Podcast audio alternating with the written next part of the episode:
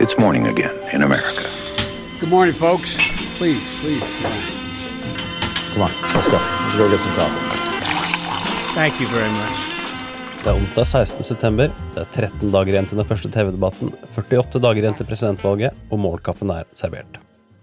Aller først, CNN har sluppet et par delstatsmålinger. I Wisconsin så leder Biden over Trump med solide 52-42. I North Carolina er det imidlertid mye jevnere, men også her leder Biden 49-46. I Florida så har Monmouth målt Biden til en 50-45-ledelse over Trump blant registrerte velgere. Bidens ledelse faller noe, til 49-46, i en annen modell som heller fokuserer på sannsynlige velgere, samt nedjusterer valgdeltagelsen i delstaten. Dagens første sak, poststemmene vil drøye. Usikkerheten rundt poststemmegivningen ved høstens valg fortsetter med uforminsket styrke. I en oversikt utarbeidet av Politico blir valgsystem og regler i 13 nøkkeldelstater gjennomgått for å tegne et bilde av hvor skoen trykker. Det er Michigan, Pennsylvania og Wisconsin som forventes å utgjøre den store bremsen på valgdagen 3. november. Med et forventet byks i antall poststemmer sier i tillegg lovgivningen i disse delstatene at valgsedler ikke kan prosesseres og telles før selve valgdagen. Det betyr at konvolutter ikke kan åpnes, at signaturer ikke kan verifiseres, og at krøllete konvolutter og valgsedler ikke kan brettes ut før selve valgdagen.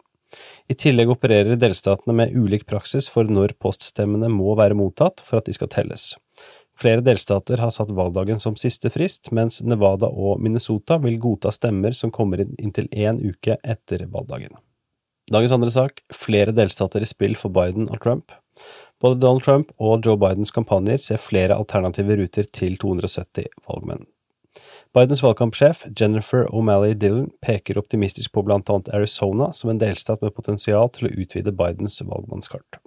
Hun understreker viktigheten av å gi kampanjen fleksibilitet ved å holde flere stater i spill inn mot valget, noe også flere jevne delstatsmålinger den siste tiden viser at er tilfellet. Trump-kampanjen har også sett seg ut flere mulige utfall som kan lede til gjenvalg. Trumps valgkampsjef Bill Steppin understreker også viktigheten av å ha flere muligheter. Trekløveret Michigan, Pennsylvania og Wisconsin, som Trump kapret i 2016, blir ofte trukket fram.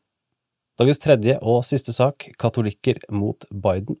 Den konservative gruppen Catholic Vote skal bruke 9,7 millioner dollar til å ta opp abortspørsmålet i flere av høstens nøkkeldelstater. Gruppen gir Biden hard kritikk og anklager den tidligere visepresidenten for å knele for venstresidemobben, samt forsake sine egne katolske verdier.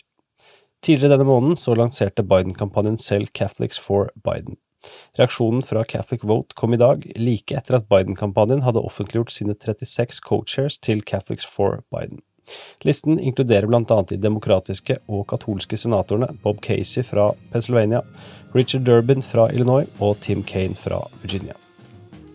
Dagens utgave av Morgenkaffen er servert av Henrik Skotte og undertegnede Are Tovo Klaten. Leser mer på amerikanskpolitikk.no.